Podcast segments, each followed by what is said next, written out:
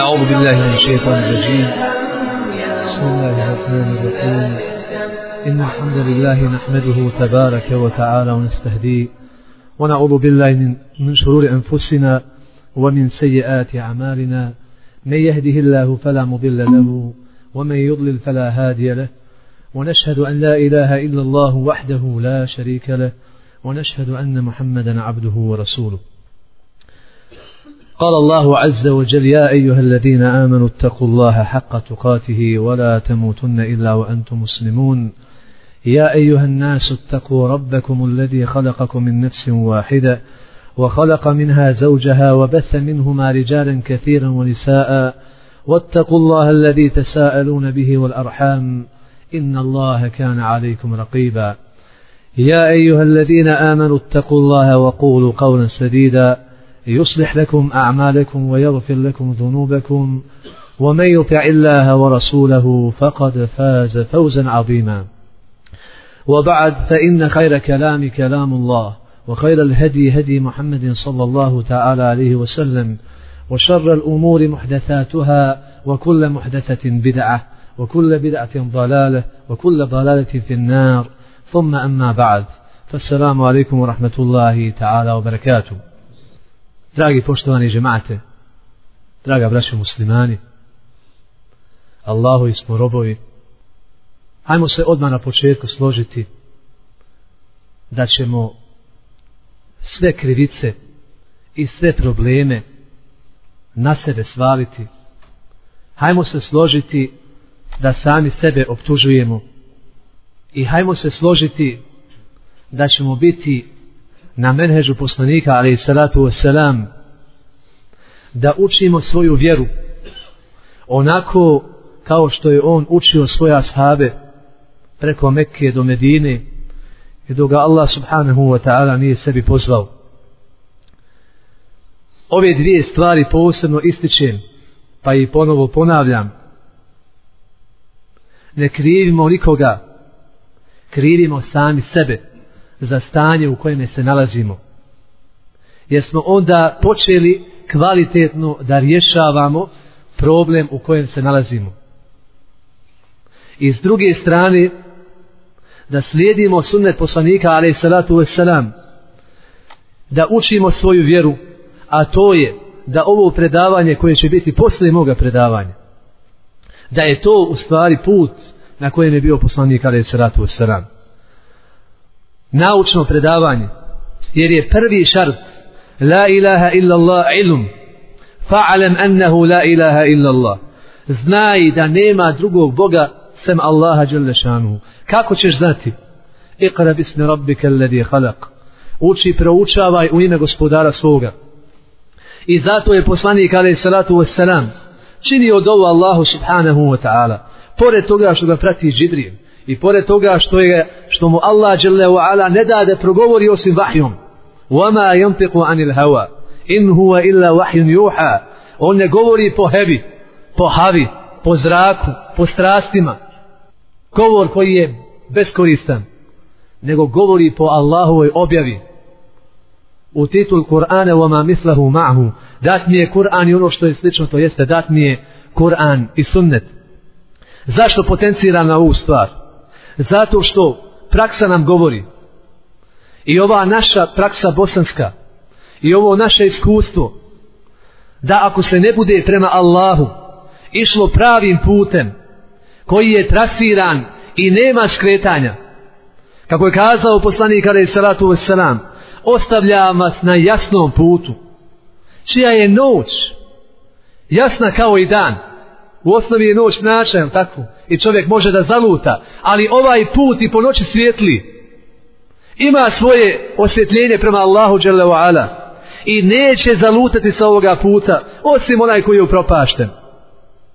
Pa je poslanik alaih salatu wassalam i praktično, jer ima gluhodnjemi ljudi, možda oni imaju uši, ali ne mogu dobro da čuju ili ne mogu dobro da razumiju, i šaretom to pokazao, praktično povukao liniju i kazao ovo je pravi put.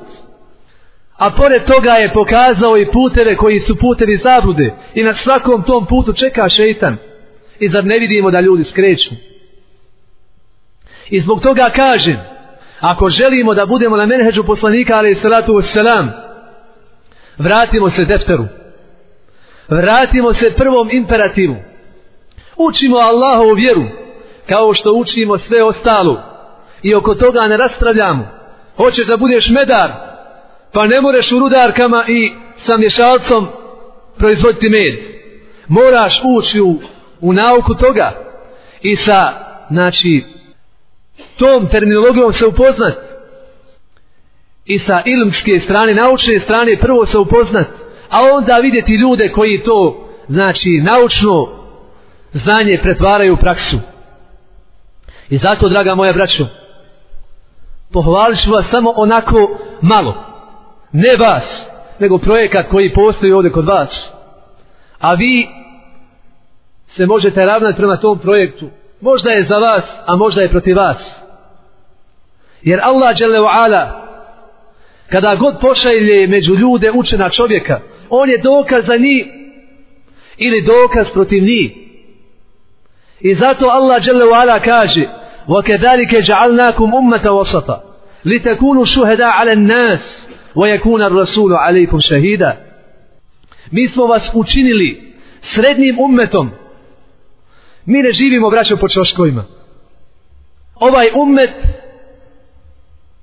je znači Allah dželle ve dao da je njegov centar na sred dunjaluka da bi mogli svagdje stići da bi bili dokaz protiv ljudi. A da bi poslanik alaih salatu wassalam bio dokaz protiv nas da li smo slijedili njega i učili njegovu medresu? Zato kažem draga moja braćo vratimo se prvom imperativu. Ako se nije ponižavao Ebu Bekr koji braćo nije bio mušrik i prije objave Allah ga pripremao da bude siddiq ako je mogao i to mu bio ponos da sledi, da sjedi pred poslanikom ali salatu wassalam i uči ovu vjeru. I zato ćete vidjeti kada Ebu Bekr potegne potez ne mogu ga mnogi pratiti. Kada potegne potez da treba stati u kraj onima koji odbijaju jedan propis u islamu čaga i oni veliki heroji ne mogu razumjeti. Zato što ta medresa otvara posebne lampe imana i otvara posebnu basiru i uputu da čovjek svata kako je Allaha obožavati kako se ispravno ide prema Allahu Đelešanu vi kažem imate dokaz ako Bog da za vas ima brat koji je među vama koji je daija a Allah Đelešanu kaže za daije ومن أحسن قولا ممن دعا إلى الله Neko priča na ulici, neki glumac tamo provali neku budaleštinu, ali mi u osnovi tome ne dajemo veliku vrijednost. Ali onaj ko poziva Allahu Đelešanuhu iskreno, imajući dva osnovna šarta za uspjeh, a to je da govori iskreno i da govori ispravno, on znači plijeni. وَمَنْ أَحْسَنُ قَوْلًا مِمَّنْ دَعَ إِلَى اللَّهِ Ko to ljepše govori? Od onoga koji poziva Allahu čuješ mu jezina kaže hodi vamo! I ti kažeš eto me! Zato što je to poseban govor. Hajde se vamo spasi! Kažeš odazivam se. I nakon toga čini dobra djela. I kaže zaista sam ja musliman. Jer bez ponosa braćo nema islama. Kažu Bošnjo nema, nema nikako vrata. Zato što mu je ošao sa u ramena. Vaza taj rad. Vaza stiska ramenima. Kada pitaš, znaš i kaže, ne znam. Ako hoće da se proda, maše glavu da zna. Šta znaš, ne znam. I još mu vrat sav u ramena. Mi muslimani moramo biti ponosni. Znati svoju vjeru.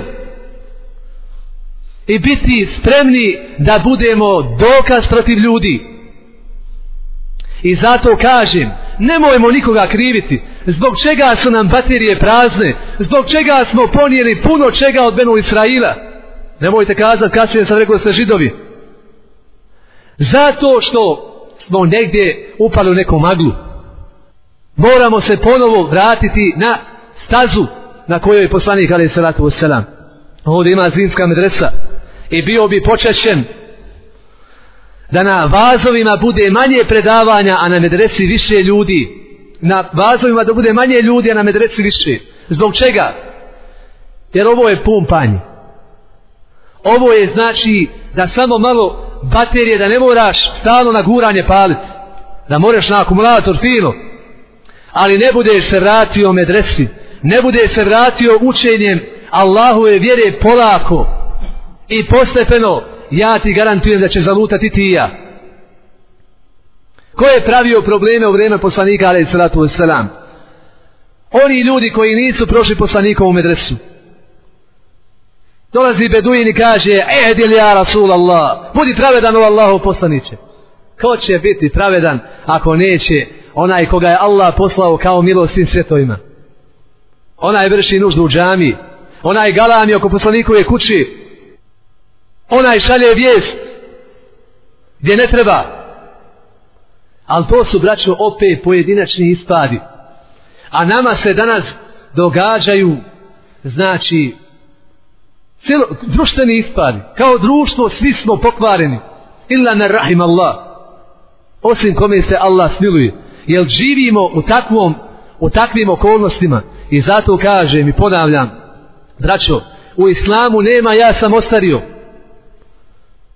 Poželit će da te hurije grle u džennet, jel tako?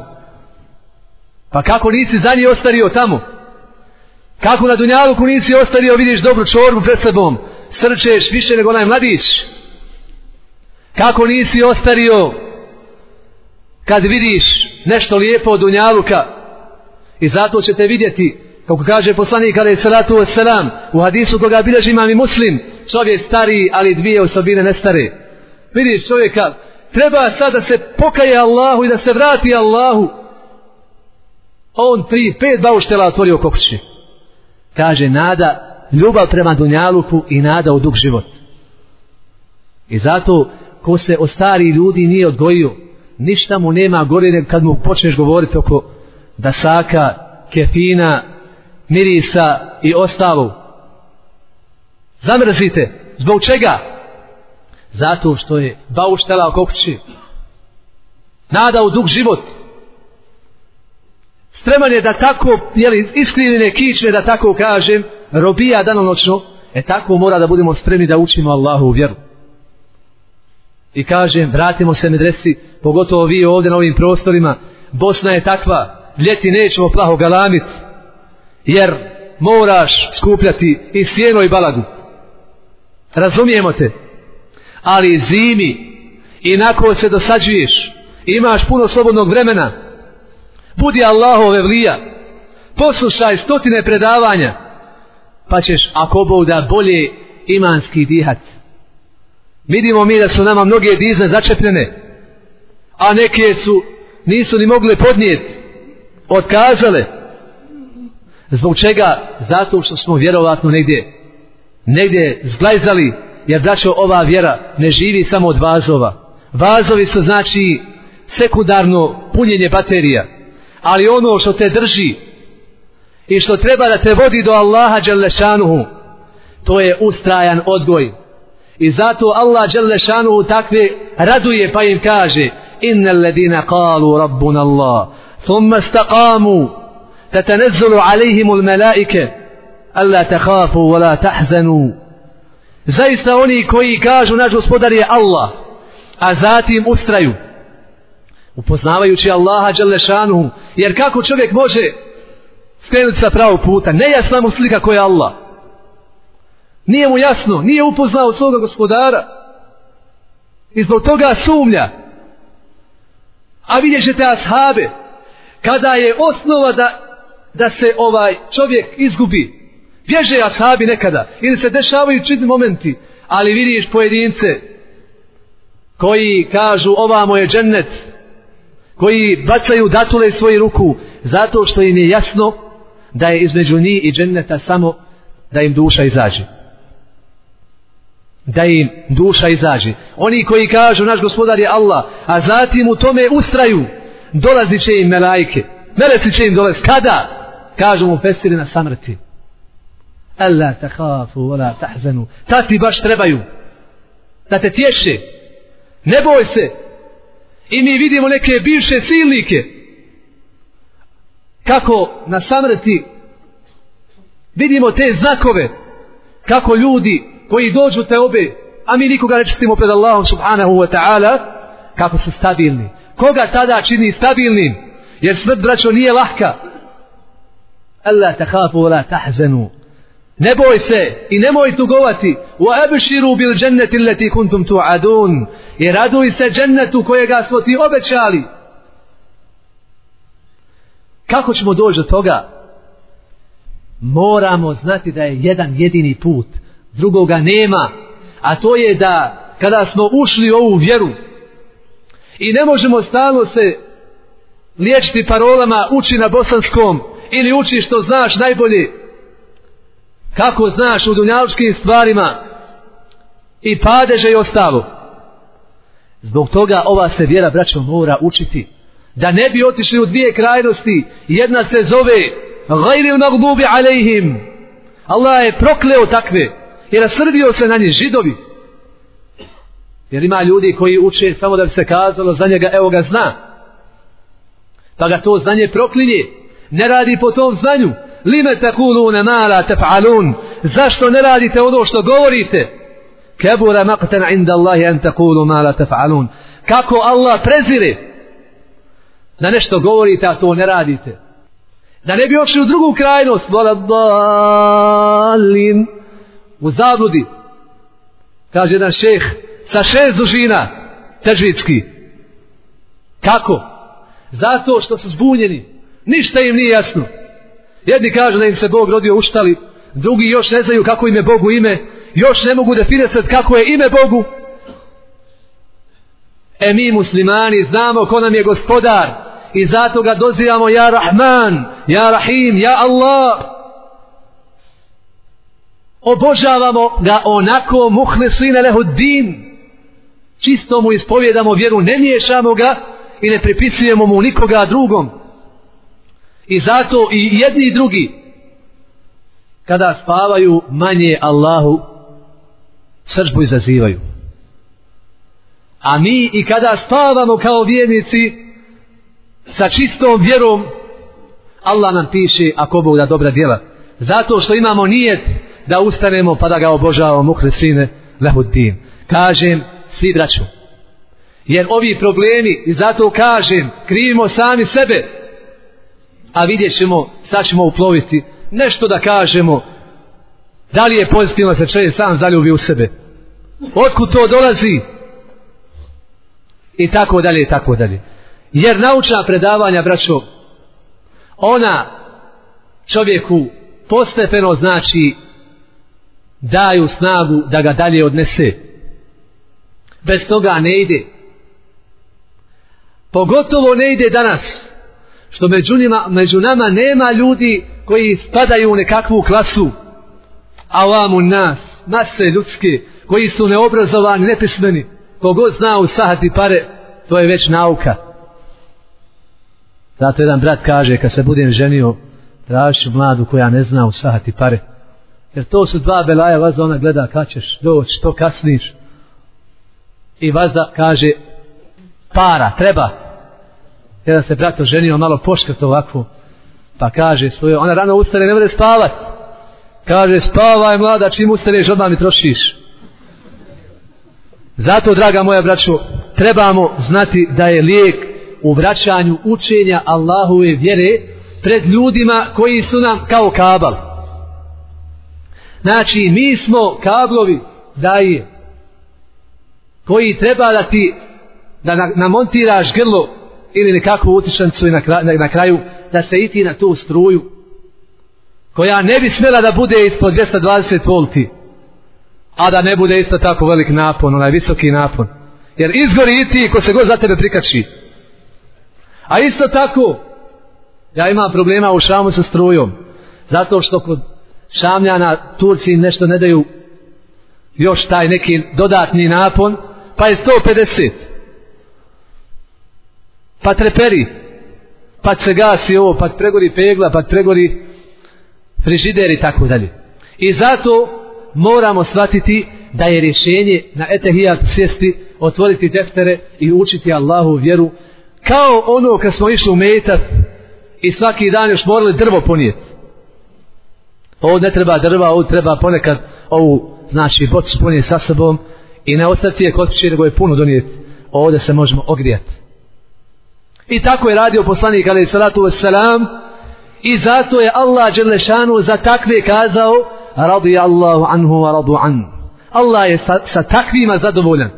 Neki su dobili znači preporučeno pismo sa sedam nebesa da im samo poslanik može pročitat i kazat ti hoda još koji dan po Dunjaluku a već imaš garantovanu vizu za džennet. To je braćo velika stvar. Ako toga ne bude dešava će nam se ovo što nam se dešava danas.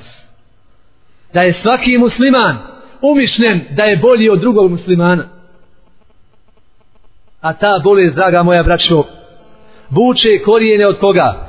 Od iblisa. On je prvi izmislio ovu bolest i kad se je dobro zarazio onda je počeo na Benu Adem na Adamove sinove prenositi. Pa mu Allah dželle ala naređuje da se pokori Ademu kaže ana khairum minhu. Khalaqtani min nar wa khalaqtahu min tin. Ja sam bolji od njega ovdje imaju dva prestupa. Ja i bolji. Da ovdje ima mi i bolji možda bi se moglo nekako tolerisati i zato pobožni Arapi kažu a'udhu billahi min kelimeti ene Allahu se utječe od ja. Jer Allah dželle ala govori mi smo objavili Kur'an. Ima li to neko udjela? Džibril možda? Ne ne ne ne. Ima li udjela poslanika ali salatu islam? nema. Niko stvorenja.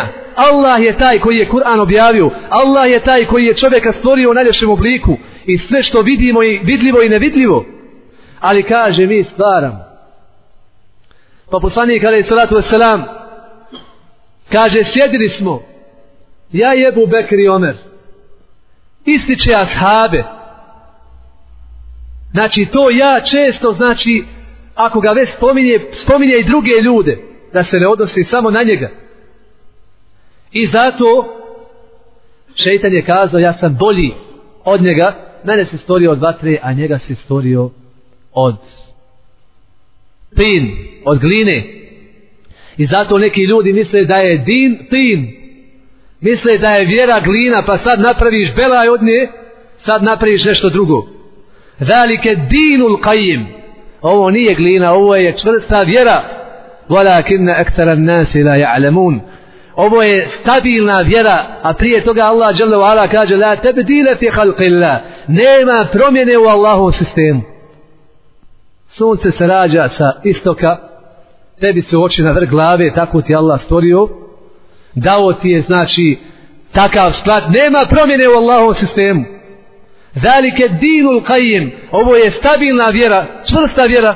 Walakinna ekstara nasi la ja'lamun ali ti pitaš čovjeka što ti čerka nije pokrivena kaže stid je. Što ti nis kako treba pa kaže opet mu vrat ode u ramena kako ću kako ću? Zato što on ne zna da je ovo prava vjera. Nego misli tamo što neko drugi neki hamel nudi i neki smrad kojega je zapokovao što moj jedan brat koji blizu sjedi kod mene kaže u celofan i smrad kad u celofan zapakuješ misli neko da je to fin poklon i zbog toga Allah jalla wa ala kaže huwa alladhi arsala rasulahu bil huda wa dinil haq li yudhhirahu ala ad-din kulli kariha al mushrikun On je onaj koji je poslao svoga poslanika. Sa vjerom. Čistom vjerom. Pravom vjerom. Koja je hak. Da je uzdigne iznad svi ostali vjera. Makar to ne bilo povolje mušicima. A prije toga kaže yuridun li yutfiu nur Allahi bi afwahihim. Oni hoće ustima da ugase Allahovo svjetlo. a Allah daje da njegovo svjetlo bude pa makar nevjernicima ne bilo povolje. I zato, draga moja braćo, najbolji način i to je jedini način da se čovjek spasi i liječi od ove opake bolesti koja se zove ođbu nec samo dopadljivost jeste da se potpuno predamo našem poslaniku ali salatu wassalam.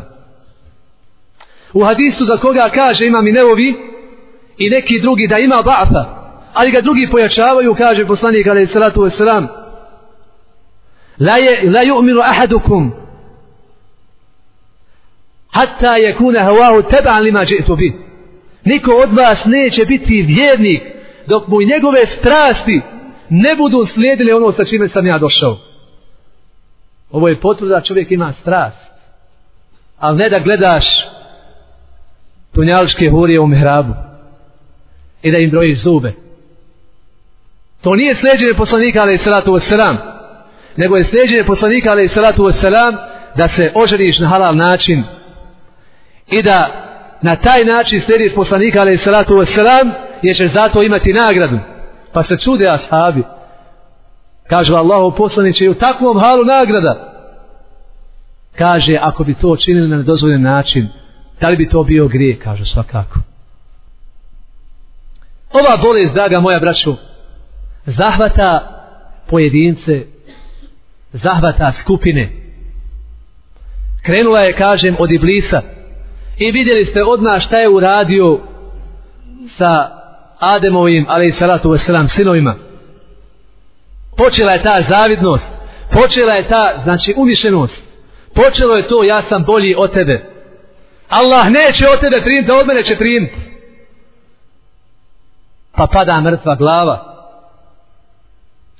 I ta bolest ona konstantno vuče znači korijene i vuče i do sudnjega dana moće samo moće samo da da je ukroti onaj koji bude išao menhežom poslanika ali salatu wasalam ova bolest može toliko draga moja braću da se rasplamsa da čovjek ode i pređe granicu šeitana kao što se desilo s kim?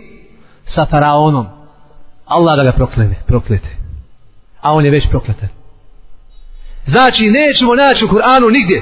Znači šeitan je sebe smatrao boljim ali nigdje nije rekao ja sam Bog. A faraon je kazao en rabbukumul a'la. Ja sam vaš najveći Bog. Znači do kojeg vrhunca može ta, ta bolest da, da hara i da djeluje?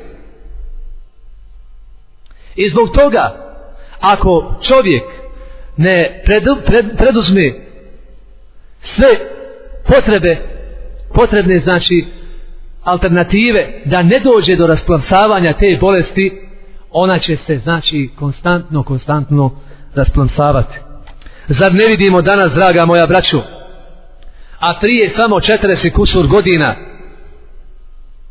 zar Hitler nije bolovao od ove bolesti? I zato je kazao dva odabrana naroda ne mogu živjeti na zemlji.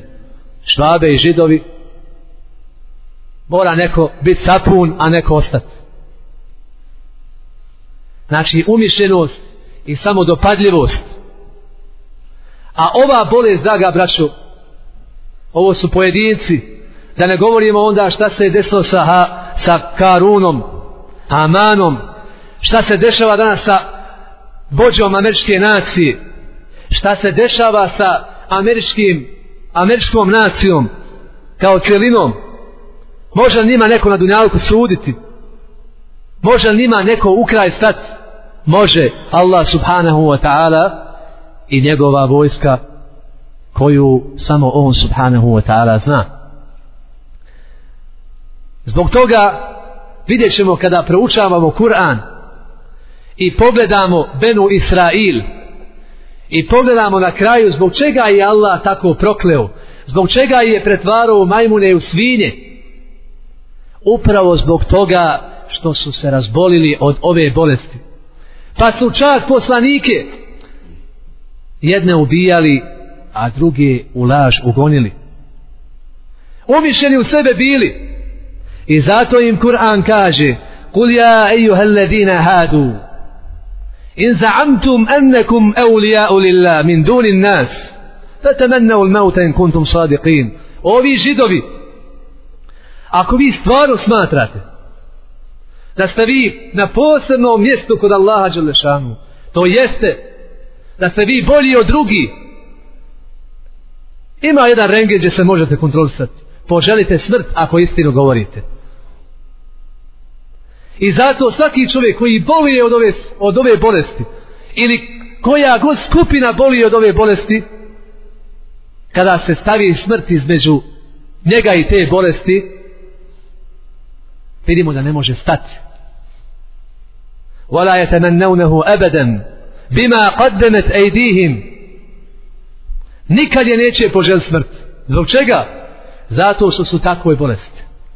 Zato što su zapali u takav hal. Pa onda zbijaju šalu sa poslanicima.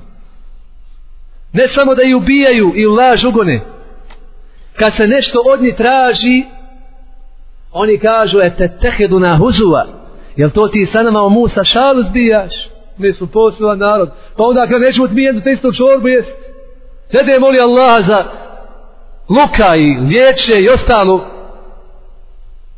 Kad se traži opet od njih kažu, idheb ente o rabbike fa qatila. Idi ti tvoj gospodar pa se vi borite, a mi ostajemo ovdje sjedimo. Vide jasne dokaze. Vide da se more razvaja. Vide suho, suh pod kopno. To su muadžize od Allaha subhanahu wa ta'ala. Iz te svoje umišljenosti kažu kad ti nema neko zlatno tele priuštio. I zbog toga kogod oboli od ove bolesti ne može jednostavno da normalno iskazuje pokornost Allahu Đelešanu. Vazda ima neke prigovore. I zato ćete vi vidjeti danas. Kaže čovjeku, haj klanjaj, što ne klanjaš, ja sam bolji od ovih što su džami. Mašallah. Po čemu? Možda po kilaži. Pojedinac.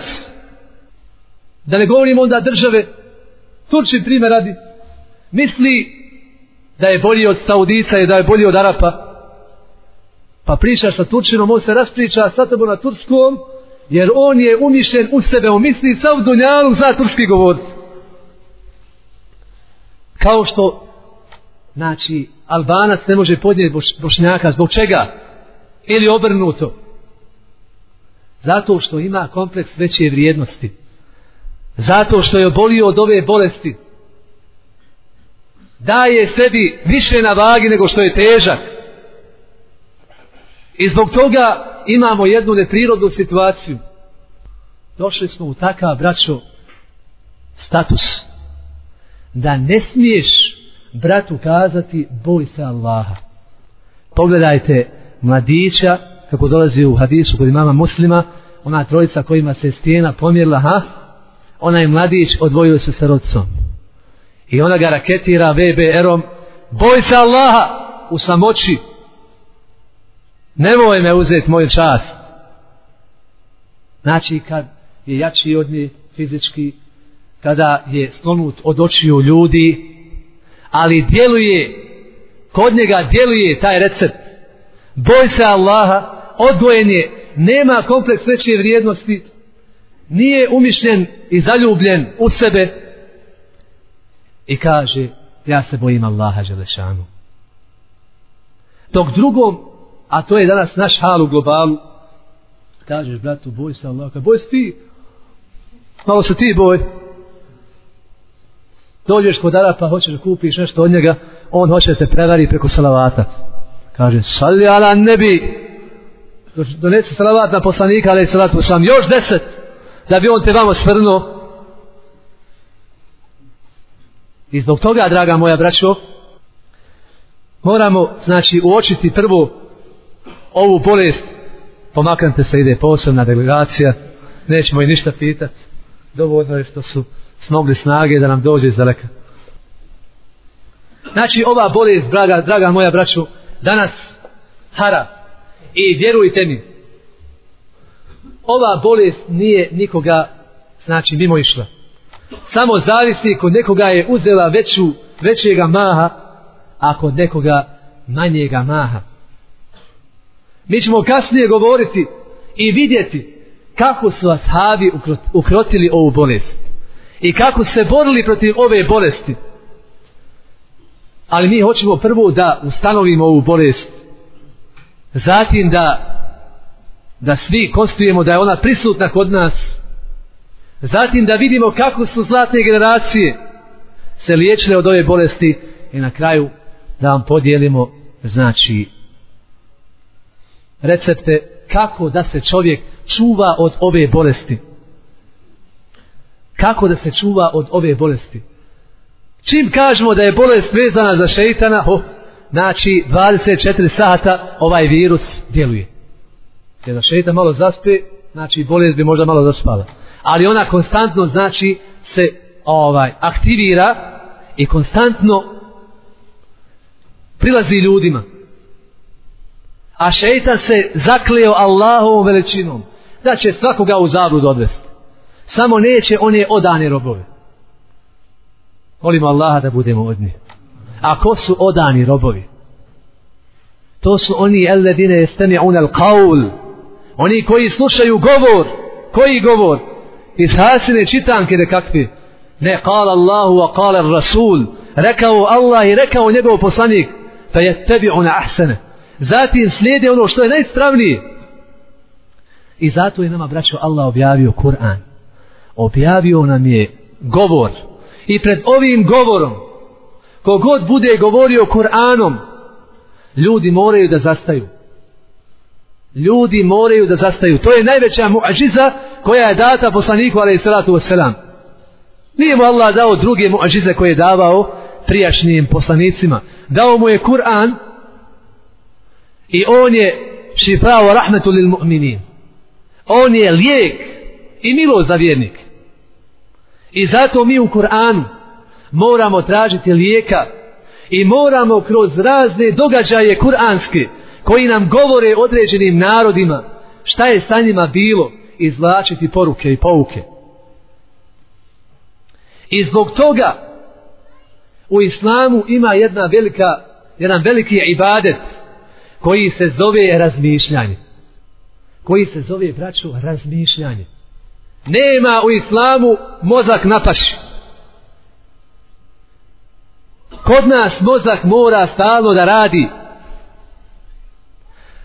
Da razmišlja. Zato Allah dželle ve ala kaže inne fi khalqi samawati wal ard wa ikhtilafi al-layli wan nahar la ayatin li ulil albab. U stvaranju nebesa i zemlje, promjene noći i dana imaju velike pouke za pametne. Budalama Allah se smilovo nije opteretio sa ibadetima. Iskušao je od im pamet, kod kaže da je budala, braćo, recite mu da ne mora u džamiju, ni oko džamije. Što dalje od džamije je smeta. Njega je Allah samo stvorio da bude ibret nama. Ako god kaže da je pametan, treba da vidimo šta radi. Ako radi postupke pametni, kažemo mu pametan si. Ako vidimo da radi postupke suprotno tome, kažite mu ko ti se negdje zakodirao, negdje se pamet rasula, nije sa tebom nešto u redu. Inne fi dalike la ibratu li ulil albab, u pouki o razmišljanju je, za koga pouka? Za oni koji razmišljaju. Koji razmišljaju. I zbog toga, zbog toga, kafiri se zovu kafiri, zbog toga što oni hoće da udere na razmišljanje. Nemoj ništa misliti. Nemoj ništa misliti. I zato oni kažu moramo se svakoga petka opuštati. Oni se opuštaju petkom, to jeste, oni se znači ubijaju, počinju ubijati se petkom ili trovati petkom, a nedeljom trče da taj otrov izađe iz njih. I mi kažemo, i mi smo za opuštanje. Ali mi se opuštamo i badet. Zato nije dobro, nije dobro da se grčiš u namazu, da se kočiš, ne, ne, ne, opusti se. Nek igra tijelo nek igraju prsa, nek uživaju u slušanju Kur'ana, neka uživaju u slušanju Kur'ana. I zato, draga moja braćo, razmišljanjem ćemo zaključiti šta je sa nama. I zato je dobro i osunneta da se čovjek povremeno, povremeno povuče u ove bosanske šume. Ne da pečuraka samo traži. I da odmah kontakt ovog će biti bolji. Ako uzgledom koju pronađe, nurun ala nur. Ali pazite ima oni otrovni. Da razmišlja, da se malo u prirodu izvede negdje. Da razmišlja o sebi. Šta je to sa njim? Kakvu on to sve bolest boluje? I šta je sa njegovim ummetom? A da onda kad dođe do zaključka da se vrati na put poslanika ali salatu ali salatu wasalam. Kažem, draga moja braćo, svi današnji problemi, nekad tamo osjetimo, ha, evo našli smo kod za rješavanje problema. Mi smo to našli u teoriji, jer to stvarno stoji. Otvoriš Kur'an i sunnet, pun je kodova za nas muslimane, koji nam kaže, dede, uprobaj ovoga malo.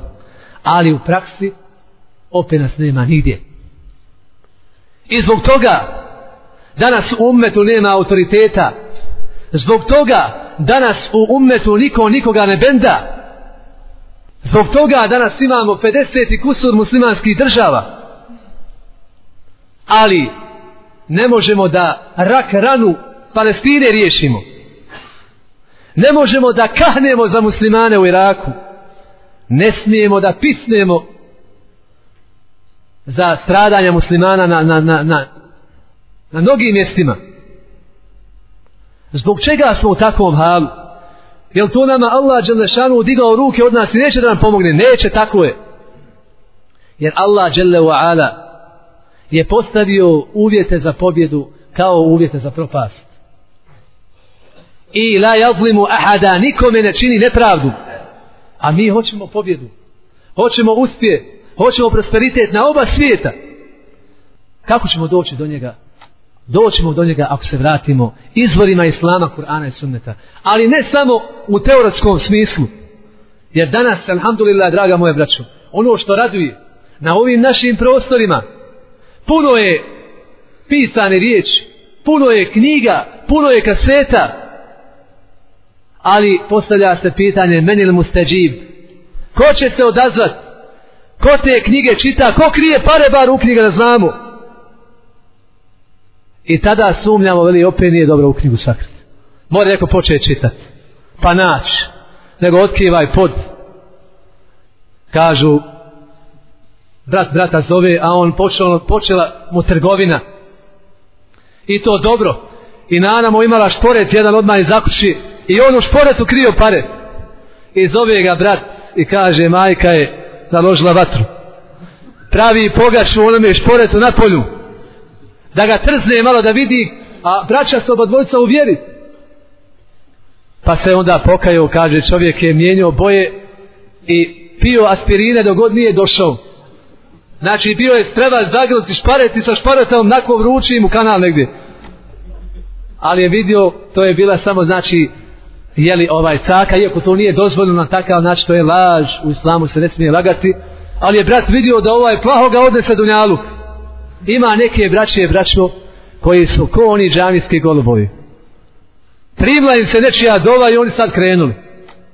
Ali više nema među džamijske golubove. Sad ganjaju rove po zemljama vrte nešto buše zemlju traže i Allah im dao. Jer Allah Đelešanuhu braće je prokleo dunjaluk i zato Allah Đelešanu iz ljubavi prema nama nije tijelo dati kafirima zlatnu, zlatne krovove, kuće i ostalo. Da nam to ne bi bilo iskušenje veliko koje nećemo moći podnijeti. Ali Dunjaluk je bezredan. Dobar je onome slučaju kada bude sredstvo za kupovanja dženneta, približavanja Allahu subhanahu wa ta'ala. Pa se Asa obradovo kad je vidio da nije planula zaliha i oni suharci koji su bili u šporetu. Zato kažem, draga moja braćo, sada idemo do ashaba da vidimo kako su se oni borili protiv ove bolesti. Za koju kažemo da pogotovo braćo Hara ovom bosanskom sahvom ovim bosanskim preporodom. Subhanallah prije nekoliko godina tako smo lijepo sjedili i tako lijepo razgovarali i tako sa imanom hranili i pouke iz Kur'ana i sunneta izvlačili ali danas sjediš pored mene, a ja ne znam šta mi, kakvu ti to tukiju za sobom sad nosiš. Nisam više smiren što kaže jedan daja, ne diraju mi vlasi u auto. Vlasi mi ostavili nevijenici i oni banditi što kradu auto, što im je profesija to, ali nije njegov auto mirno od muslimanske ruku. Zbog čega je to tako? To je zbog toga zato što nas je ponijelo. Ponijelo nas. Ne znamo da poštujemo starije osobe. Da imamo samilosti prema mlađima i da poštujemo ulemu. Ja sam vodio često primjer, kažu malo je trenirao karate. Profesor vidio da je on malo lako radoznan. Hoće on da profesor jednog dana izazove da kaže izvini, ali ja ne mogu spavat. Šta ti je? Kaže, ja sam jači od tebe. Izvini, ali uz veliko poštovanje. Pa nemoj molim te, pa poje je koga učio džaba? Pa gdje se malo smiri, haj opet malo udaraj u vreću, udaraj u zid. Nemoj u mene, ne mogu ja, kaže, spavat nikako. I oni sparinguju. I sad one, one znači, rekeate što su oni zajedno naučili, zna ovaj blokirati. Ali je profesor vidio da je on, znači, plaho požurio. Pa je ostavio nekoliko tih kata za zlatne dane. Pa zviz, drž tamo, ne daj napod. Šta je, kaže, pa ti nisi meni ovo nikad govorio, šta je ovo? Znao sam ja, kaže, šta ponijet.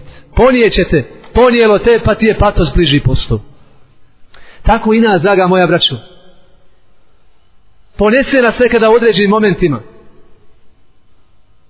Kao što je pojedine, pojedine ashabe ponijelo nekada, ali je poslanik, ali je salatu wasalam, smirivao. Kufu ejdijekum wa aqimu salatu wa atau zakat. Ruke sebi obavljajte namaz dajte zekat.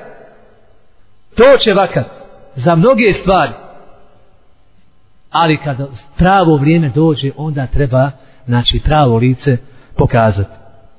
Idemo do prvi generacija, draga moja braćo, do muhađira i ensarija. Zamislite ensarije u Medini. Pokušajte zamisliti. Jesu se zamislili? Jer smo negdje van predavanja. U Medini smo sada, jel tako? I dolaze muhađiri. Znači, ono što kažemo, ništa nema sa sebom. Mi se sjećamo na ovim prostorima kad smo dočekivali muhađere, dajemo neku šupu tamo, dajemo negdje tamo u čumas. I kaže, ja sam valjam rit, Allaha radi, nisam žalio. Ja. Onda mi to tako kažemo. Ensarije daju sve od sebe. I zato im Allah dao opis yu'thiruna ala anfusihim walau kana bihim khasasa. Daju prednost. Jer kada čovjek daje prednost nekome, kada nije zaljubljen sam u sebe. Vid mene, vid mene, ja. Zato kogod ima špiglo, braćo, braćo veliko, u kupatilu, ne ga skine. Zato što tamo ima džina puno za ljubče sam u sebe i onda će doći džini pa će napred belar. I često čudimo kaže razvalio kadu glavom. Desilo mu se ovo. Zašto? Zato što on se zaljubio sam u sebe. Ne smiješ u WC-u proučiti onu dovu da se zaštitiš od šeitana jer ti već u njihovom kolu tu. To je njihova kadarska kuća. I dok ti se onda središ tamo u stvari kasnije moraju ovaj dolaziti po tebe, tražiti, razvaljivati vrata, dođu, da dođu do tebe. Ensari, znači dokaz njihovog, njihove poniznosti pred muhađirima je da su bili spremni sve dati. Ima li slučaj da ste vi nekad čuli? Ima li da je to sanjao možda? Da se neki drugi ensarija pojavio i sprema dati pola kuće i jednu ženu. Odmah bilo daj vode, šećera i vode sram te bilo, ti tražiš od mene pola kuće, jesi ti normalan? Ja. A to je bilo kod prvih generacija, braću. Zato što su bili ponizni. I nisu dizali glavu, zato kažu ima jedan arapski narod koji ovako puno digne glavu i nos. Jedu puno devino meso. Pa malo digli se, ovaj, jer devu Allah tako stvorio da je posebna, vidi je svak odakle god pogledaš. Zato što malo digne glavu. E mi muslimani, smo adilleten ala mu'minin. Adilleten ala mu'minin. Mi smo ponizni pred mu'minima, pred roditeljima, pred pobožnima. Wa izzetin ala kafirin. A pred kafirima dignemo i nos i obrve i sve. A kad bude pravo, pravo vrijeme za to. Dalje primjer, braćo moja, da se čovjek izliječio od te bolesti, vi znate da je vlast slatka. I zato Allah dželle ala kaže on je taj koji čupa vlast od koga hoće i daje kome hoće. Malo je se u historiji desilo da je neko nekome predao vlast. Desilo se je kod jednog čovjeka unuka poslanika alaih salatu wasalam Hasana.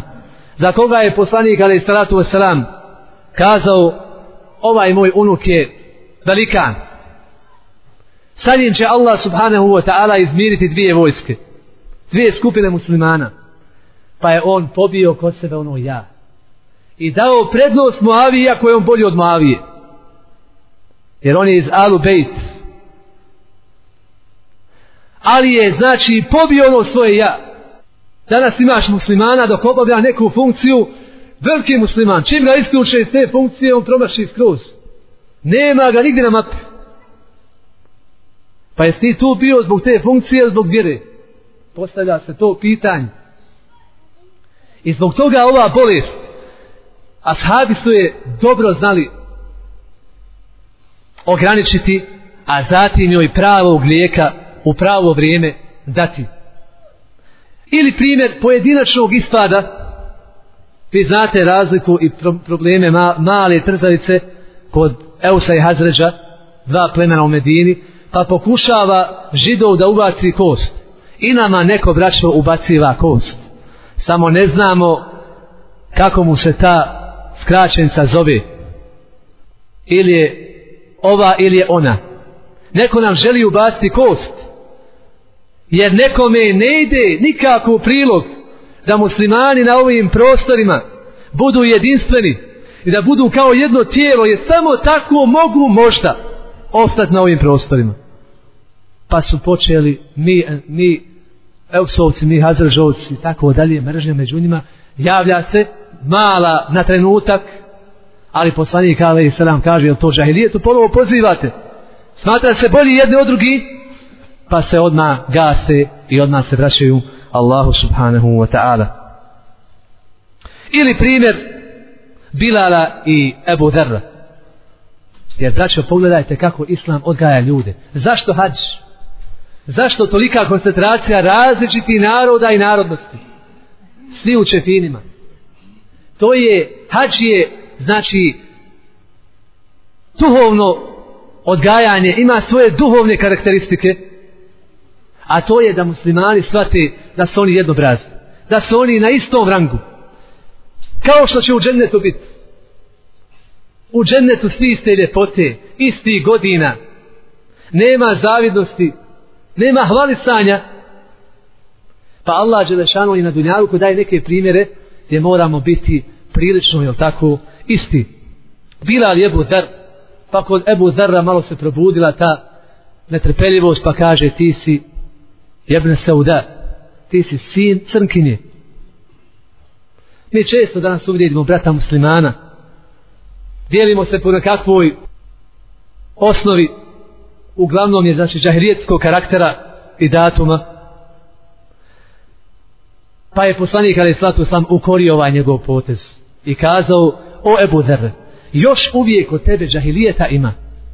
Pa nije rekao daj Allah posljedniče pa Bogam to ti nisi dobro zapazio znaš kako je pa nemoj tako stalo mene prozivaš pa ja sam toliko godina u islamu već pa ja ja sam stvarno pobožan pa stalo klanjam noći na fila i tako dalje odmah je pao na zemlju i traži od Bilala da istera ovaj ožbun nefs ovo da je bolji od Bilala da odmah istera iz njega Jer s tim ne možemo naprijed. S tim ne možemo naprijed. I zato musliman se ponižava Allaha radi. Došao čovjek musliman i traži za džamiju. Pa ga pljune čovjek na vrata. A on uzmenu pljuvačku pa potere kaj ovo je za mene, a šta je za džamiju? Pa je čovjek sam džamiju napravio. Ponizio se Allaha radi. Pa kad je čovjek vidio takvu poniznost, kaže, ja ću čitavu džamiju napraviti takvi moraju muslimani biti koji hoće da uspiju a koji hoće da budu u zamu koji hoće da budu općinjeni da plaho vrijede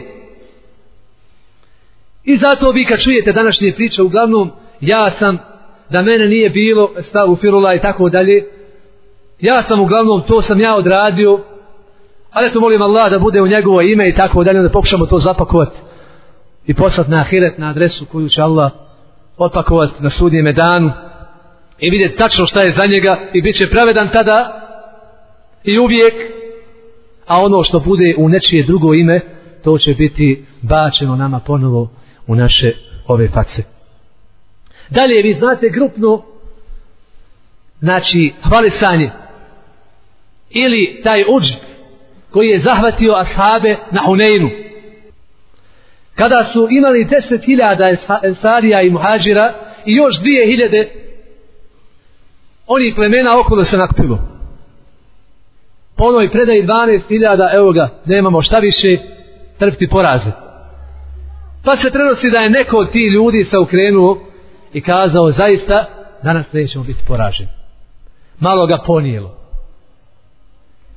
Mi danas kad vidjeli znači 12.000 ljudi koji obavljaju namaz i koji su dali talak tvornice Duhana u Sarajevu i drugim tvornicama i koji su znači na sunetu poslanika ali salatu wasalam bojati se da ne bi jako znači daleko od šarijata otišli.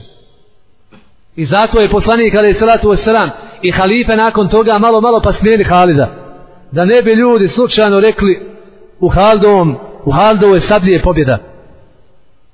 Nego pobjeda je kod Allaha subhanahu wa ta'ala. Pa je Allah Đelešanu znate taj događaj? A sahabi se iznenada prepali jer su im napravili zasjedu pa su se mnogi u boj u bijeg dali znači čovjek ashabi poslanik ali sratu sa nam sa njima ali malo ponijelo pa i Allah Đelešanu daje im opomenu وضاقت عليكم الأرض بما رحبت ثم وليتم مدبرين zemlja vam je postala tjesna i u bijeg ste se dali znači šta je rezultat lijepog mišljenja o sebi. Bježanje. Bježanje od stvarnosti kada treba da čovjek ustraje u nečemu. Iako je to bio uđb koji se ne može braćo danas našim porediti. Jer kod nas je pokvaren uđb do kraja. Dok su ashabi kada su vidjeli taj broj na neki način jeli, zadivilo je uvijek su bili malo brojni manje naoružani neopremljeni pa kažu danas stvarno danas smo mašallah kompletan sastav a imali su lijepo mišljenje prema Allahu Đelešanuhu i imali su ispravnu akidu i imali su ispravan menhež poslanika alaih salatu wasalam što je dokaz što je dokaz da se vratili i slobili nevjernike izvojali pobjedu za muslimane. Znači, ako se to javljalo kod njih ponekad, odmah bi to slomi. Odmah bi to slomi u totalitetu. Tako moramo, draga moja braća i mi danas. Ako ne bude toga, znajte da je preporod muslimanski počinjao i na drugim mjestima Dunjaluka, ali je zapečećen.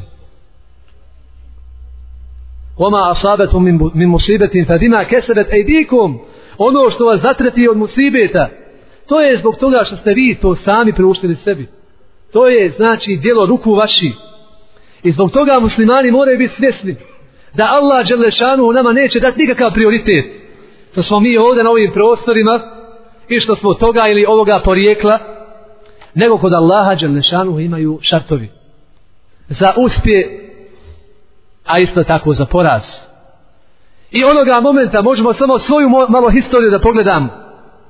Zašto su nam ljudi prilazili? I zbog čega se, znači, svakodnevno ovaj događalo da vidimo nove muslimane koji se vraćaju Allahu Đelešanuhu zato što smo bili sebe ponizili. Men te oba alillahi rafa'a ko se ponizi, kako kaže poslanik alaih salatu wasalam, Allaha radi, Allah će ga, Allah će ga uzdići. Navešimo dva primjera kako su se ljudi borili a opet se ponekad javi opet se ponekad javi ta bolest kaže jedne prilike sjedio imam muhaddis Ibn Mubarek koji je dobro ovoj znači bolesti stao na nju i nije joj dao da se plaho razvija prišao je čovjek ne znajući da sjedi tu Ibn Mubarek, pa je počeo svašta o njemu da govori. Vi znate, čovjek kad ovaj, kad te neko napadne u društvu, i ti odmah on za crveni, a i ti odma tražiš po džepovima gdje, gdje, gdje šta ostavio. Ovaj čovjek napada, a Ibnu Mubarek potpuno smiran i unio se u priču. Jeste taj primjer negdje vidjeli? To samo može kod odgojeni. Unio se u priču kao da se u nekom tamo Ibnu Mubareku sa drugog svijeta priča. A ovi ljudi koji su u njegovoj blizini ne mogu nikako da kažu halo, šehe tu, kako se to pona, gase i tako dalje. Nisu našli metode. Jer šeh posmatra svakoga i unio se u priču. Pa je na kraju kad je ovaj završio, nije ga prekidao, kazao ja tražim izuna da ode. Pa su ovi koji su bili prisutni poželjeli da on ode. Da kažu ovo mi znaš li ti šta si kazao?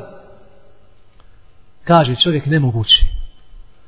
Nemogući da ovakvim stilom napadnem čovjeka, a da nikakve reakcije na njemu ne vidim. Mi danas zamrzimo čovjeka i napadamo ga beberovima, nikad ga nismo vidjeli. I bitka je već počela, još ga nismo vidjeli. A šta će tek onda biti kada on upali svoj semafor pred tebom, a ti upali svoj. Pa kad počne da ključa, pa kažu, kako si do, do te mjere pokvaren.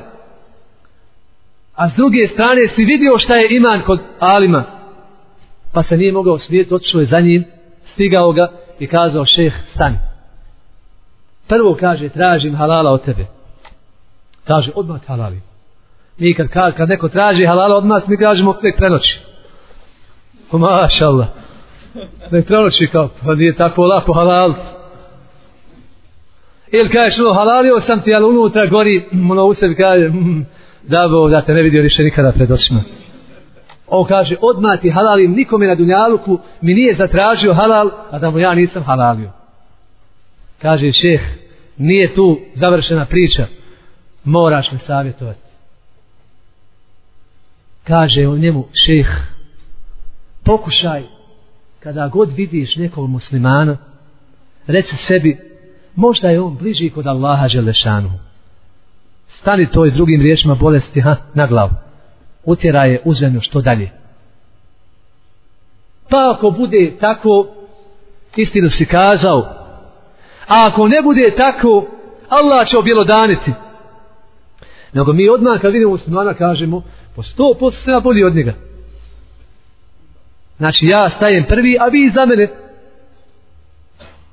To je dokaz, braćo, odgojenosti da te ne može jednostavno situacija isprovocirati. A ko to može? Kad eflaha men zekaha. Ustiće koje čisti. Pokad habe men desaha, a ostaće upropašteno je koji zapusti.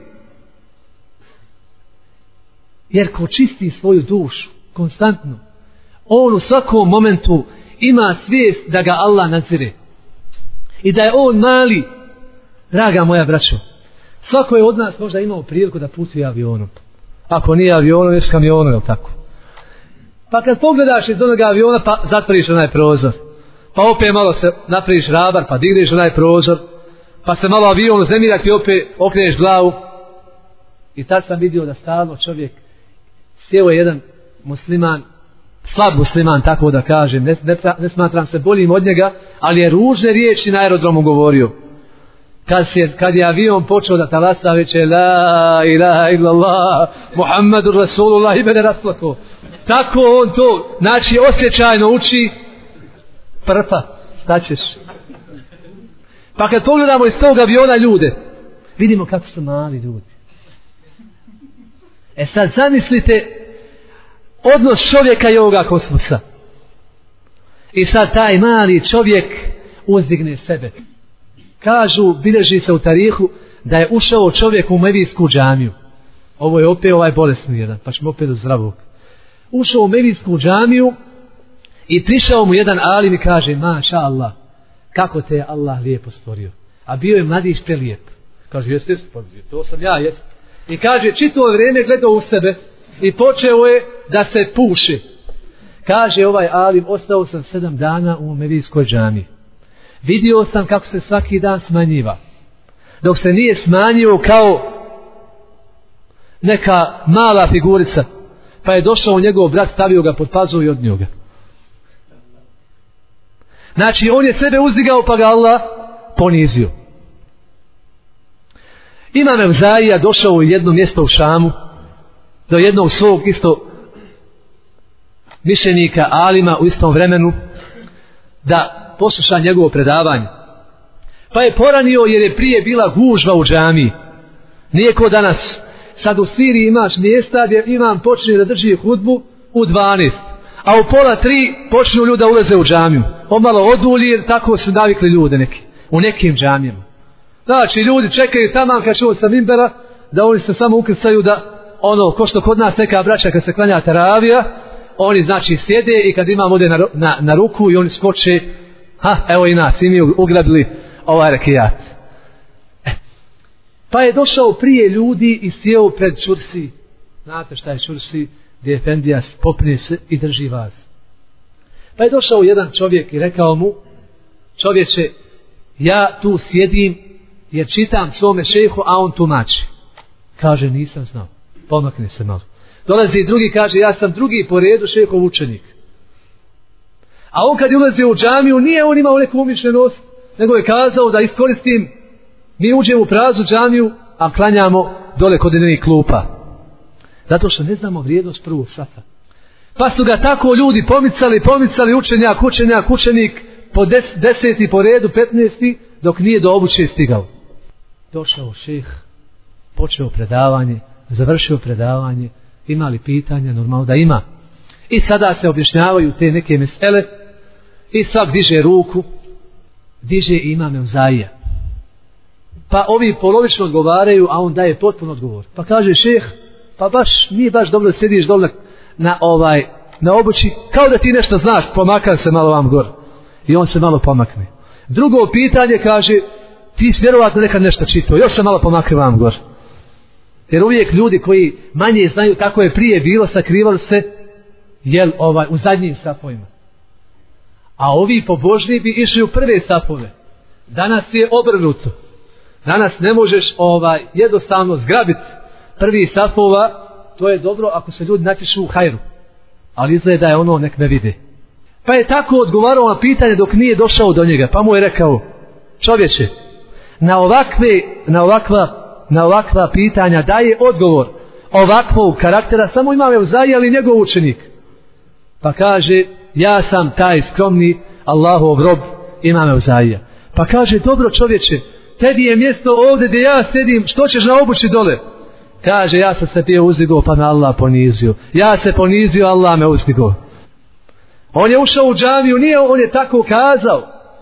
On je ušao u džamiju, vidio mjesto, kaže u Daliću, najbolji popamti. Ne mogu ja, nemam ja kompjutera kod kuće, nemam aviona, nemam, to je prilika, kada ću drugi put, može doći. Pa se je kasnije mjesto našlo njemu na obući, a kada se je ponizio Allaha radi, rekao pa, i ovi su ljudi, kao i ja, od krvi mesa, bolji su možda kod Allaha Želešanu, došlo je on do izražaja. Danas ljudi se prodaju braću za ono zašto ne vrijede. I zato moliti Allaha Đelešanu da ne budemo od takvi. Jer znajte, kogod poleti visoko, a ne bude imao pravi motor za te visine, Boga mi će u dijelo i naslediti. I zato kaže poslanik alaih salatu wasalam, niko se neće pohrvat s ovom vjerom, a da, ta ga, a da ga ta vjera neće nadvladati. I zbog toga ulazimo u Allahu vjeru potpuno, ali idimo, idimo znači stepen po stepen osvajajmo znači islam i zaljubimo se u islamska poglavlja ali na istrava naučni način onako kako je to radio poslanik alaih salatu alaih salatu wasalam to su znači neki od lijepi i ružni primjera ove, ove bolesti. Za kraj draga moja braćo lijek, lijek za ove bolesti je u jačanju ibadeta. Kazali smo na početku, nikoga nemojmo kriviti. Krivimo sami sebe. Zašto? Možda je stvarno još neko tamo kriv za naše stanje. Ali ako mi okrivimo samoga sebe, mi smo najmanje pola problema riješili. I zbog toga ne tražimo, ne tražimo znači, ne tražimo krivicu kod nekoga tamo. Danas muslimani upališ televizor, upališ radio, ne valja Amerika, treba to srušiti. Tako je, ona će sama srušiti, vidiš ovi, ovi vjetrovi i ove zime, Allahova vojska, ove lude krave i ostalo, on će se sami, znači, otrovat ako Allah tako bude tijel. Jer će pameti doći. Ali mi stalno tražimo krica u nekome drugom. A malo tražimo krica kod nas sami. I zato oni ljudi koji su našli ili traži krica kod sebe samog, takve je Allah uzdigao. Ne možemo više niko ništa. Zar jedna mala skupina muslimana u Palestini ne da da padne ono još malo zemlje tamo što je ostalo? Zar jedna mala skupina lomi kišma Americim i Amerikancima u, u Iraku? Zar ovdje nije jedna mala skupina stala programu čišćenja Bošnjaka za 14 dana s ovih prostora? Ali onoga momenta, onoga momenta kada su se ponizili Allaha radi i kada se vratili Allahu i kada su ponizno pa Allahu i zemlji hodili, kada su svoj tugu i jad Allahu subhanahu wa ta'ala isticali, tada im je Allah Želešanuhu dao pomoć i pobjedu. Druženje sa bogobojaznim ljudima. Jer braćo, ova vjera je sva došla bi teleki. Došla je preko usta.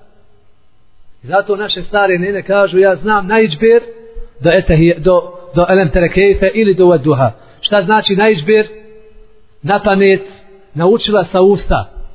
Ova vjera je sva sa usta. Jer ovaj kompjuter, on ne diše.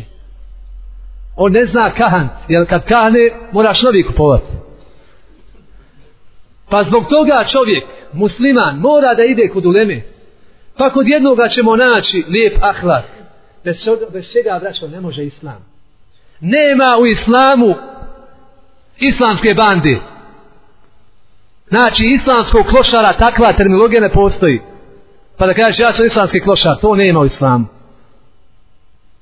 Nego u islamu ima islamski moralista. Wa inneke la ala hulukin. Kur'an kaže za poslanika, alaih salatu wasalam, ti si na najvećim stepanima morala. Kod drugog alima ćemo naći mudrost. Što nam je jako bitno. Jer neki ljudi bukvalno zaključuju i bez naočala i s naočalima. Pa će ti to ali malo onako, jer poslanik ali slatu sam kaže al halalu bejin, wal haramu bejin, wa bejnehuma, šta? Umurun mutešabihat. La ja'lemuhunne kathirun minan nas. Halal je jasan. Znamo da je rakija zabranjena da je krmet nezabranjen. I halal je jasan. Ali ima između toga nekada ima sumnjivi stvari koje ne zna većina ljudi. Ko će nam to objasniti ulema i učeni. Pa ćemo otići kod drugog. Zato imam i Buharija imao hiljadu šejhova. I ponovo se na ovim prostorima i ponovo se umetu javlja takozvani tasub, taasub fanatizam koji je upropastio muslimane pa su izgubili dva miliona u, u Bagdadu muslimana. Pa su i Tatari protjerali skroz do Egipta nejedinstvo muslimana. Zašto? Zato što ti slijediš jednog imama. Onaj slijedi drugog. Onaj slijedi trećeg. I zbog toga mi ehli sunnet vol džema. Naše džema gdje god nađemo ljude da im je kodeks ponašanja Kur'an i sunnet. Pa kod nekog alima kažemo nađemo ovo kod drugog, ovo kod trećeg. Nađemo odvažnost, ponos. Kod četvrtog nađemo zuhd kod petoga nađemo takvaluk. Ne treba ništa da priča. I šaretom kaže ti plačeš. i tako znači na taj način rješavamo bolest koja se zove ođbu nefs. I na kraju izvlačenje pouka i poruka iz sire poslanika ali salatu wasalam zato je braćo i ovi kažu da je historija majka života. A ova historija njihova Znači ima tu puno laži. Ima tu puno petljanija. Kako kome paše, tako pišu. Ali biografija i sira našega poslanika, ali salatu wasalam, to su stvari predaje hadisi koji su došli svim onim putajima ispravnim i u koje mi vjerujemo kao da je Kur'an. I smatramo da je to dio objave koji nije ušao u Kur'an. I zato sa ashabi tačno znali i prenijeli nam koliko je tlaka bijeli imao poslanik alaih salatu wasalam u bradi. Kakav mu je vrat izgledao, dokle mu je brada bila. Kakve su mu obrve bile, kakav mu je nos bio. Sve su opisale sahabi poslanika sallallahu alaihi sallam. I mi treba da crpimo i sire i poslanika alaihi salatu wasalam lijekove za ovu, za ovu bolest. Kao što sada više ne moraš ljudno objašnjavati, pi čurk, pije ga. Kaže ko prerađeno uljal, kažu da djeluje. Kažu nekakav vlah kupio od muslimana litru ulja čurktovog i platio ga debelo 70 eura, bratka, fino mu prodao. Ali šta je pojenta, ošao Srbi na kontrolu. Vi znate od krmače da je visok pritisak i pucanje kapilara. Doktor ga pregledao, kaže ti si dobar. Šta si koristio, kaže neko preraženo ulje. Nastavi. Dobro ti je, kaže, djelovalo. Danas muslimanima ne moraš ne govoriti o medu. Jedino ko ima problem sa zubima, pa E ako med nije pravi med, on onda udara. Ljudi to, e tako isto tako, tražimo sebi lijekove za tijelo. Tražimo sebi prije toga lijekove, braćo, za dušu. Jer duša, ona je ta koja treba da vodi tijelo. I zato je tijelo potrošni materijal. Koliko ga god ti glanco i gladio. To će biti dobra čorba za one crve. Osim te Allah počasti da bude tvoje tijelo sačuvano, ali duša na nju treba dati znači akcenat zato molim Allaha subhanahu wa ta'ala da nas braćo sačuva od ove opake bolesti ovo kažem prvo sebi.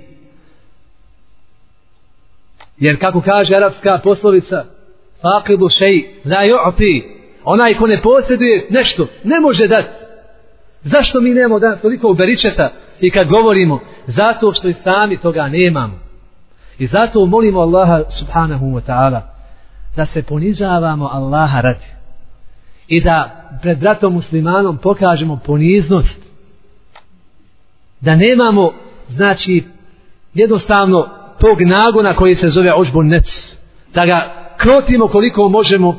Na taj ćemo način riješiti dio naših problema koji nas razaraju na svim prostorima, a pogotovo ovdje našoj, znači ovoj filđan državi moleći Allaha subhanahu wa ta'ala da oprosti i nama i vama da se smiluje našim mrtvima da pomogne našu braću da ujedine naše safove da ujedine naše daje da omete i splete one koji spletkare protiv nas da sačuva našu braću koja imaju manje prava nego narodi koji jedu pačar po Bosni nego kineze da našu braću sačuva koji ovih dana znači nemaju prava na boravak ovdje među nama.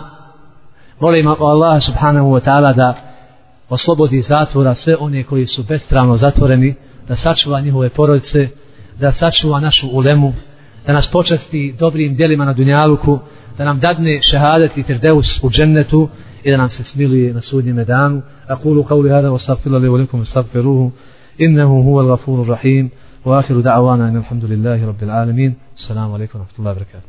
Dakle, dobili smo par pitanja sa interneta, znači brat ili sestra pita, da li u Kur'anu za mu'mina ima lijeka za svaku vrstu bolest, u zagrod psihičku, fizičku i duhovnu. Bismillah, salatu wassalamu ala rasulillahi wa ba'd. Znači, Kur'an je sam po sebi kao lijek.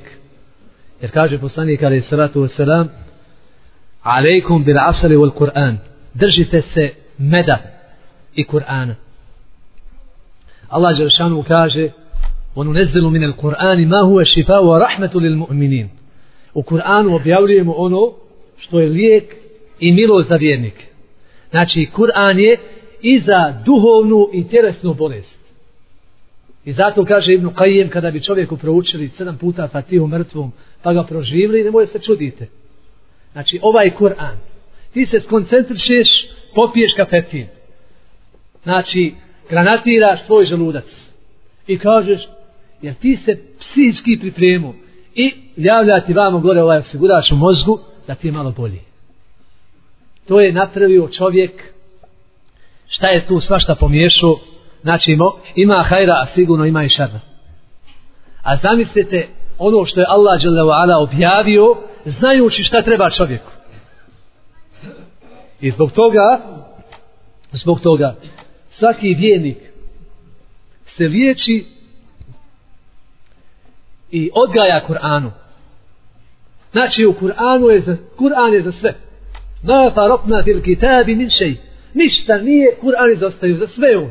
Za sve bolesti za sve bolesti međutim ako ti odatneš prije toga pa mi sad učimo Kur'ana nisi ti to praktiru onda te mi ne moramo spasiti. Džaba da imamo 45 efendija džaba ne možemo te spasiti. Mi pokušavamo da čupat međutim ne ide. Vidimo da ne ide i zbog toga Kur'an je kažem lijek za mu'mine i u tjelesnom i u psihičkom smislu.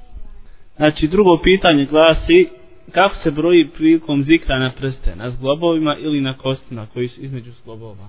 Ne znam precizan odgovor zato što znači to bi ovaj trebalo pogledati šar hadisa koji govore tako da to ako Bog da pitajte ko ima znanja. Sljedeće, sljedeće pitanje sličnog karaktera znači smije li se dok se izgovara sto puta la ilaha illallah wahdahu la sharika la i tako dalje e, zikriti na prste da, da bi se lakše moglo brojati? Znači smije se koristiti prsti da bi se znači taj broj ispoštovao da bi čovjek imao bolju koncentraciju da li je jer mi se uvijek bojimo da nismo više kazali. Jel da? Pa velimo znači možda smo više kazali šta ćemo sad? Jel? Tako da je dozvoljeno znači koristiti prste i on će inša Allah biti svjedoci na sudnjem danu da smo Allaha Želešanu tako obožavali. Zadnje pitanje od ovoga, od ove osobe jeste insana prate džin karini. Da li i džine prate džini karini? Tačno da i da nađemo da prate, nemamo koriste toga. I zato kaže Ibn Qajim ima znanje koje ako ga ljudi nauče, ništa nisu znapredovali. To da nađeš gdje pećina kef, da otkriješ onaj čuku u pećini kakav je bio, da li je vučijak ili šar planinac, gdje se nalazi u štab, i tako ti neki detalji, to je da je toliko bilo bitno, to bi poslanik ali salatu wasalam nama sve precizirao, dao nam adrese i mi samo da odemo to pogledamo džetu. Jer kao što nam je dao adresu za poslaniku u džamiju, kao što nam je dao adresu za Mešidul Aksa, kao što nam je dao adresu za Uhud i ostale adrese, tako da to je znači pitanje više akajskog tipa. Ja lično ne znam kakav je hal. Uglavnom u globalu u globalu znači kao što ljudi mogu da obole od psihičke bolesti a ona nije materijalne prirode tako isto i džini mogu da obole. I Allah je objavio Kur'an kada kažemo oma arsalnaka illa rahmatan lil alamin svim svjetovima podrazumijeva se na prvom mjestu ljudi i džini. Znači, sljedeće pitanje, esalamu alaikum. Pitanje za brata glasi, da li brat ima pravo po Kur'anu i sunetu da prečuti prvu svoju ženu i eventualnu djecu pri sklapanju drugog braka? I ako ima taj dokaz, ja bi rado da ga čujem ako brat ima mogućnost. Allah vas nagradio, amin. Ja sam Mešćini u predavanju kazao da u islamu nešto nema što se zove islamski klošar. Je tako? U islamu ne, može, ne možemo islam i džahilije zajedno. Pa kad treba islam, evo ga islam, kad treba džahilijet, evo ga džahilijet. Nego u islamu je, znači, sve jasno. Ko dan. Musliman mora da bude ponosan i mora svoju vjeru suda pokaže. I zato tebe sretne namaz za pol negdje tamo Dunjaluka, ti moraš klanjati. Ja. I zbog toga nijedan propis u islamu ne smije čovjek da to krije. Pogotovo propis kao što je ovaj propis žens, više ženstvo je tako. Jer u islamu nema nereda. U islamu ima red. I zato Allah Đelešanu kaže Fankihu ma tabelekum. ženite se od onoga što vam se sviđa mesna o sulata u ruba'a dvije, tri, četiri wa in khiftum alla ta'dilu fa wa'idatan aw ma ako ne možete pravedni biti eto vam jedne i one koji su vašem posjestom, znači misli se na, na rokine. tako da čovjek svaki naš ibadet a i to je može biti ibadet iako to spada u jeli ovaj u mubahate u, u jeli amela, u muamelate znači u ovaj ono što je u osnovi dozvoljeno čovjek tu mora da pokaže svoju vjeru. Da to radi jasno da to ne bi se protumačilo na nekakav pogrešan način ili da se na taj način ne bi jeli ubacili nekakve sumnje. Poslanik ali salatu Veseram izlazi iz itikafa znači posebnog ibadeta i on je Allahov poslanik. I prati svoju ženu Safiju pa nailazi Ebu Hureyre još jedan ashab pa hoće da pobjegnu. Stidi ometaju poslanika ali salatu wasalam tako su oni protumačili pa je poslanik kada sam zove dođite ovamo ovo je moja žena Safija da se ne bi slučajno kakva sumnja protkrala jel tako dalje To je poslanik ali slatu sam zaštićen od Allaha Želešanuhu i nemaju oni problema kao što imaju obični naši smrtnici. Te prirode. Ali da ne bi slučajno kakva sumnja i nekakvi tajni brakovi, nekakvi muslimani u dimljama koji hoće da na taj način pokažu kako su ovaj nešto ostvarili, a da to bude zamotano, ne stojim iza toga i ne podržavam to i to je znači prevara, a u islamu je znači mora se biti iskren pa makar istina bila gorka. I imamo još dva pitanja sličnog sadržaja.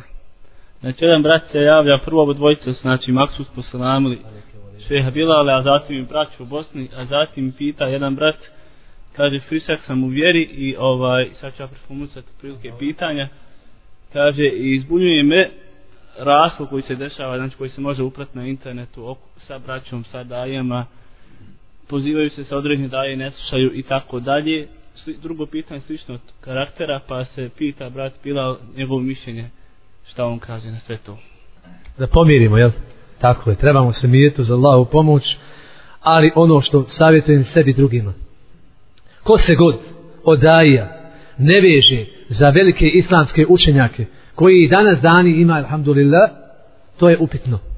Zato što sam insan, mahko koliko fakultet završio, bude se samo vraćao na knjige i na svoja svatanja, on će živjeti u jednom posebnom svijetu. On će živjeti u jednom posebnom svijetu. I zbog toga savjetujem običnoj braći. Znači, budimo mefatihul hajr. Budimo ključevi dobra. A nemojmo biti mefatihu šar. Zaključavajmo svako zlo. Nemojmo raspravljati i nemojmo se baviti sa onim što nije naše. O dajema imamo svima lijepo mišljenje dok su god u okviru ehli sunata u džema. I nemojmo sebi dozvoliti da se dijelimo na nekakve skupine optužujući jedni druge, a u stvari nije to tako. A pogotovo, a pogotovo, mi, braćo, treba da budemo ponosni sa onim što su nam naša braća donijela 92. ovdje pogodili su više od 90%. I zato se okoli diže prašina. I nas često po arapskom svijetu pitaju za braću koja su na onome svijetu već. Pa i mi kažemo, oni su preselili. Kaže, ne, ne, ne pitamo mi za mrtve, mi za žive pitamo. On se i mrtvi boje. Jer oni su ako Bog da živi kod svoga gospodara. Ali nas neki tamo ljudi koji nisu baš dobro raspoloženi prema nama, pitaju često. Tako da braća su nama donijela ovdje. Allah dželle ala kaže: "Walladina jahadu fina lanahdiyannahum subulana." Oni koji se budu borili na našim putevima, na našem putu, mi ćemo ju put ispravnim putevima. I ovim neredima, ovim fitnetima, mi se trebamo uz Allahu pomoć zadovoljiti sa onim što smo naučili od naši braće koja su danas znamo gdje, mnogi su na onome svijetu, neki su završili u zatvorima, neki su među nama, To ne znači da insan ne može i da smo u svemu potrefili, ali da nam sad neko dođe da kaže da je historija počinje od njega, a da je ovo sve do sada smeće, to je uvreda časti i oni ljudi koji rade na ovim prostorima. A isto tako i mi ne smijemo sebi dozvoliti kada dođe do nas neka informacija, da je tako odma uzimamo zdravo za gotovo. Ja ejuhal alladina amanu, idha jaekum fasikum bi neba'in fetebejenu. O vjernici, kada vam dođe kakav grešan čovjek, a čim voli plaho da priča i da laže i petlja, on spada u tu kategoriju. Sa kakvom informacijom provjerite. Kako ne bi nanijeli jedni drugima jeli ovaj nepravdu, pa se nakon toga kajali. I zbog toga činimo dove puno jedni za drugi. Zato sam na početku počeo. Znajući da, će, da je ovo naša problematika, da krivimo sami sebe. Prvo ja, Bilal Bosnić, da kažem, ti ne valjaš. Pokaj se svome gospodaru, vrati se svome gospodaru, kako treba, i čini dovu za druge. I tako svako da uradi. Inna Allahe la yugayru ma bi qawmin hatta yugayru ma bi anfusihim. Neće Allah promijeniti stanje jednog naroda dok taj narod ne promijeni ono što je kod njega. A da prebacujemo krivicu, kriv je on, a ja sam maša Allah, sto posto u redu, to je ova bolest o kojoj smo večeras govorili. I zbog toga, zbog toga, kažem, vratimo se sami sebi. Vratimo se istighfaru, vratimo se teobi, kao što su to radile prve generacije. Ali ja radi Allahu ta'ala anhu, kada je našao Ajšu, našu majku, kazao je, majko naša, plakao je i rekao je, moli Allaha da nam oprosti. Moli Allaha da mi oprosti. Nije nju ništa krivio. Jer fitneti i neredi mogu braće izazvati velike probleme. I zbog toga kažem, vratimo se sami sebi i poštujmo starije koji su s većim iskustvom i budimo, znači, oni koji teže da muslimani budu jedno tijelo. Da budu jedno tijelo koja će, koji će ako Bog da, iako ima neki problema, polako, znači, međusobno, musliman se savjetovati i te probleme rješavati. Ovo je tema koju se, znači, može puno pričati, ali problem je kod nas. Dobili smo još jedno ovaj pitanje, znači, pošto je lično i mislim da je ovaj bitno odgovoriti, ja ću postaviti to pitanje. Znači, Assalamu alaikum, rahmetullahi, brate, ima jedna sestra osihnina. Liječila se rukom i svega toga, ali ne vrijedi ništa. Zato što sestra rozene joj to čini. Kako ja mogu razumjeti? Šta činiti? Ne, mo, ne mogu namaze obavljati se držati islama kako valja. U svemu mi, u svemu mi ometa, niti me iko želi oženiti ovako. Šta da radim, Allah vas nagrađa. Bismillah, salatu, salatu, rasulullah. Prvo da Allah žanu dadne ubrzan lijek ovoj sestri, a rješenje je u islamu. Znači, trebamo se što više vratiti islamu, pa ćemo onda mi razumjeti stanje ove naše sestre, a isto tako i ona će shvatiti da, znači, u našim rukama nije lijek, nego je lijek od Allaha subhanahu wa ta'ala i da treba puno sabura.